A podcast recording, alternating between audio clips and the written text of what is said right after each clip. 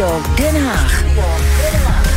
Een nieuwe ronde, een nieuwe kansen. Weer een sessie op het Haagse landgoed Okkenburg. Minister Adema van Landbouw trok zich vandaag weer terug met vertegenwoordigers van de boeren, de provincies en natuur- en milieuorganisaties om achter gesloten deuren tot een landbouwakkoord te komen. De visie op de toekomst van onze landbouw tot 2040. Een ultieme poging, zo werd het eh, overleg vandaag gezien, omdat de gesprekken sinds december al zo moeizaam verlopen. Maar ja, vanmiddag werd de sessie weer stilgelegd. Landbouworganisatie LTO sprak van een impasse en wil vanavond doorpraten als meer leden van het kabinet erbij zijn. In Den Haag is onze politiek verslaggever Leonard Beekman. Hey Leonard. Hey, Lisbeth en Kees. Ja, jij stond vanmiddag in de zon bij Okkenburg. Uh, wat zag je gebeuren? Kwam Sjaak van der Tak van LTO Nederland geërgerd naar buiten lopen? Ja, hij kwam zeker wel uh, nou, geërgerd. Ik weet niet of je dat zo moet zeggen. Maar ja, zijn gezicht uh, sprak boekdelen. Uh, hij kwam overduidelijk geen goed nieuws brengen. Dat had ook wel met het tijdstip te maken, waar we dat ook konden aanvoelen van hé, hey, er is iets misgegaan. Het gesprek zou zeker nog tot in de avond duren. Er was ook een diner gepland. Uh, ik had net daarvoor een gesprek met een woordvoerder, uh, had ik eventjes gehad. Zo van joh, wat staat er nou op het programma? Waar zijn ze? Het bleek dat ze net begonnen waren, in ieder geval net begonnen. De, de moeilijke punten waren nog niet besproken. De lastige onderwerpen moesten nog ter tafel komen. En eigenlijk vrij onverwacht vroeg LTO-voorman Sjaak van der Tak om de gesprekken te staken. En ook voor minister Adema kwam dat als een verrassing. LTO heeft op hun verzoek, ook wel tot verrassing van iedereen, een schorsing aangevraagd van de besprekingen.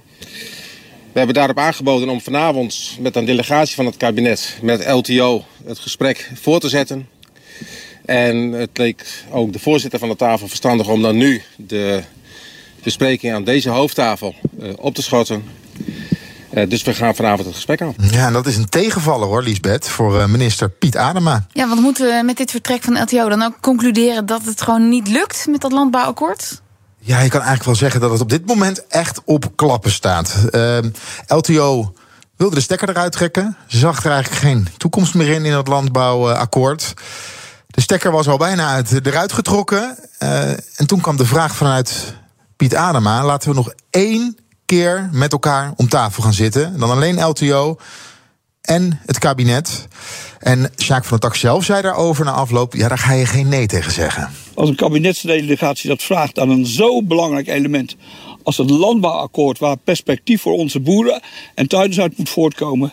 dan respecteren wij als LTO dat verzoek en gaan dat gesprek vanavond aan... Ja, ik weet niet hoe jij hier naar luistert, Liesbeth. Maar mm. we respecteren het verzoek. We gaan toch nog het gesprek aan, omdat het belangrijk is voor de boeren.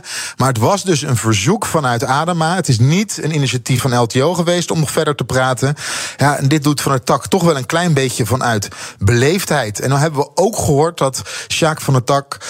Uh, door de achterban van LTO was opgeroepen om uit het overleg te stappen. En dat eigenlijk vandaag voor de bespreking al duidelijk was dat het niet meer goed zou komen. Van de tak zelf zegt dat dat niet juist is.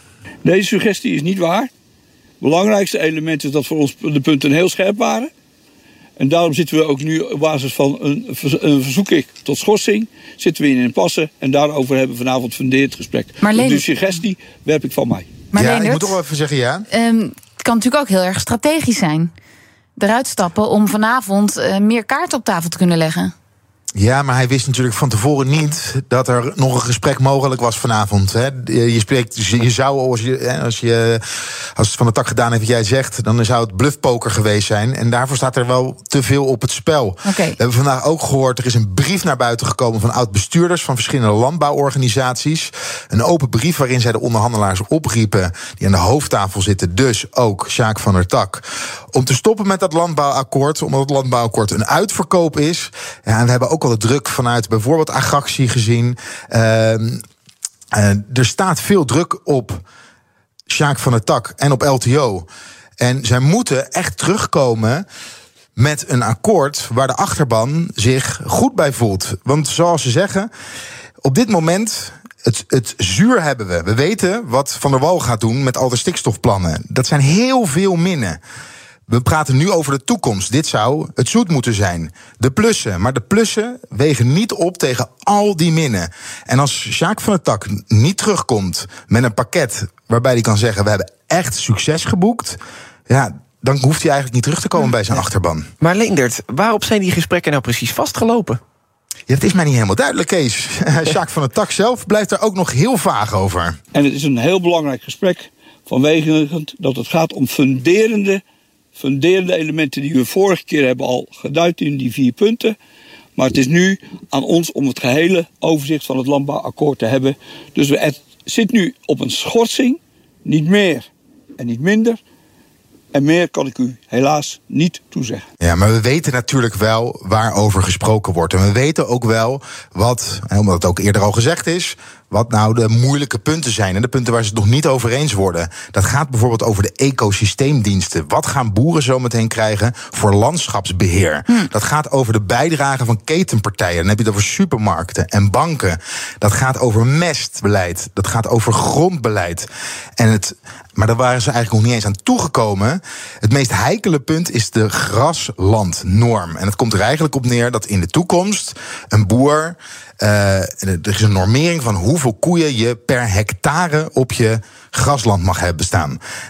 De LTO is daar geen voorstander van. En ze willen naar een ander systeem. Ze willen naar een systeem, naar de goed werkende, afrekenbare stoffenbalans. Wat is dat?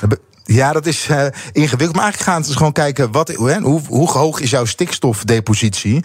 En dat wordt gemeten. En of je dat nou met 100 of met 200 koeien doet. Dus je netjes houdt aan de afspraken zoals gemaakt zijn. Hè, dus uh, netjes houdt aan die afrekenbare stoffenbalans. Dat kan je bijvoorbeeld doen door innovatieve stalsystemen. Hè, daar is wel heel vaak over gesproken. Maar op het moment dat jij eraan houdt, maakt het niet meer uit hoeveel koeien er per hectare gehouden worden.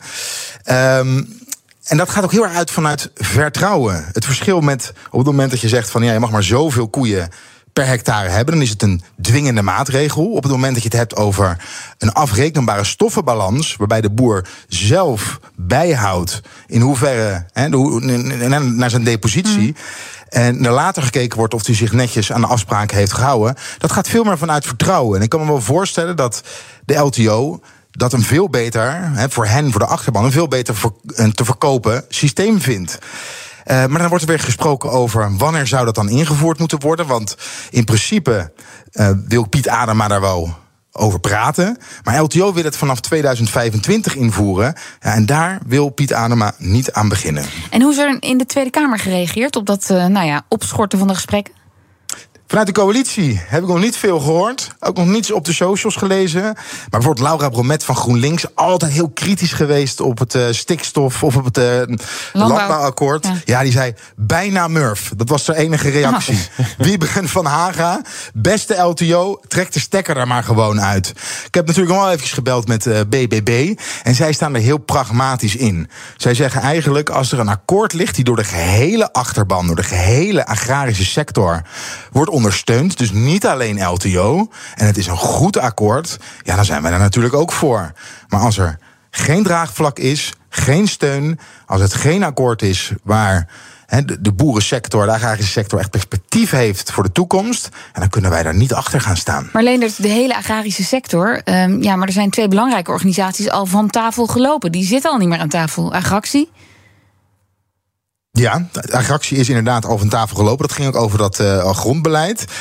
Uh, en dan hebben we natuurlijk nog Farmers Defence Force. Maar zij hebben eigenlijk nooit meegedaan. Maar zij praten niet mee, maar voeren vanuit. Uh, en ze voeren wel heel veel druk uit op het. overleg aan de hoofdtafel. En mhm. zeker richting LTO. Want ze zeggen ook van ja, als LTO een handtekening, als zij dat eronder zetten, gaan wij weer actie voeren. Maar waarom dus zitten ze zelf niet meer aan tafel dan? Zij, zijn nooit aangeschoven. Agractie is wel ooit uh, is aangeschoven, maar uh, Farmers Defence Force uh, heeft nooit meegepraat. Vanaf begin af aan niet. Dit heeft de, de, topman van de Rabobank, de CEO, die, die, nieuwe Belgische CEO, heeft vandaag ook gereageerd. En die zegt eigenlijk gewoon: onduidelijkheid voor de boerenondernemers is niet goed. er moet snel een akkoord komen. Dus probeer nou maar dat akkoord te halen. Heeft hij daarin gelijk?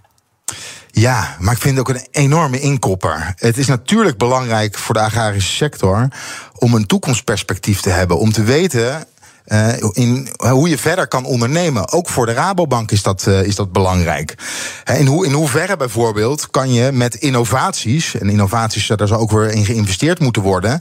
In hoeverre kan je daar doorgaan met, met, met, met boeren? Hè, met het, en het heeft ook te maken met de, de aankoop op het moment dat je wil extensiveren. Dus ehm, moet, je, moet je bedrijf groter maken. Je moet meer land aankopen.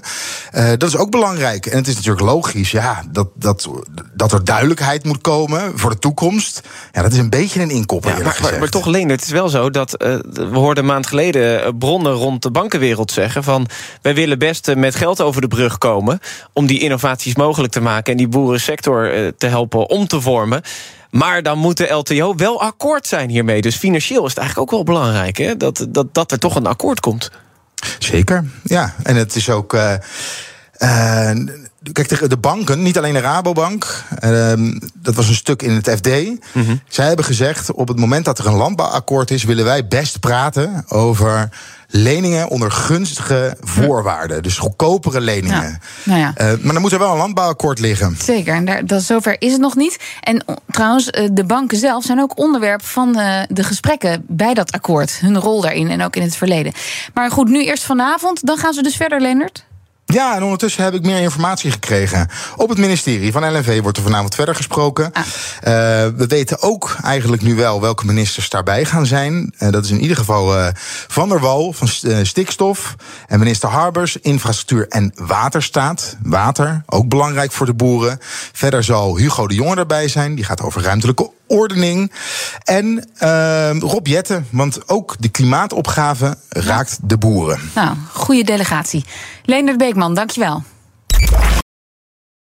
Ook Thomas van Zeil vind je in de BNR-app. Je kunt live naar mij luisteren in Zaken doen. De BNR-app met breaking news, het laatste zakelijke nieuws... en je vindt er alle BNR-podcasts, bijvoorbeeld Het Nieuwe Geld. Download nu de gratis BNR-app en blijf scherp.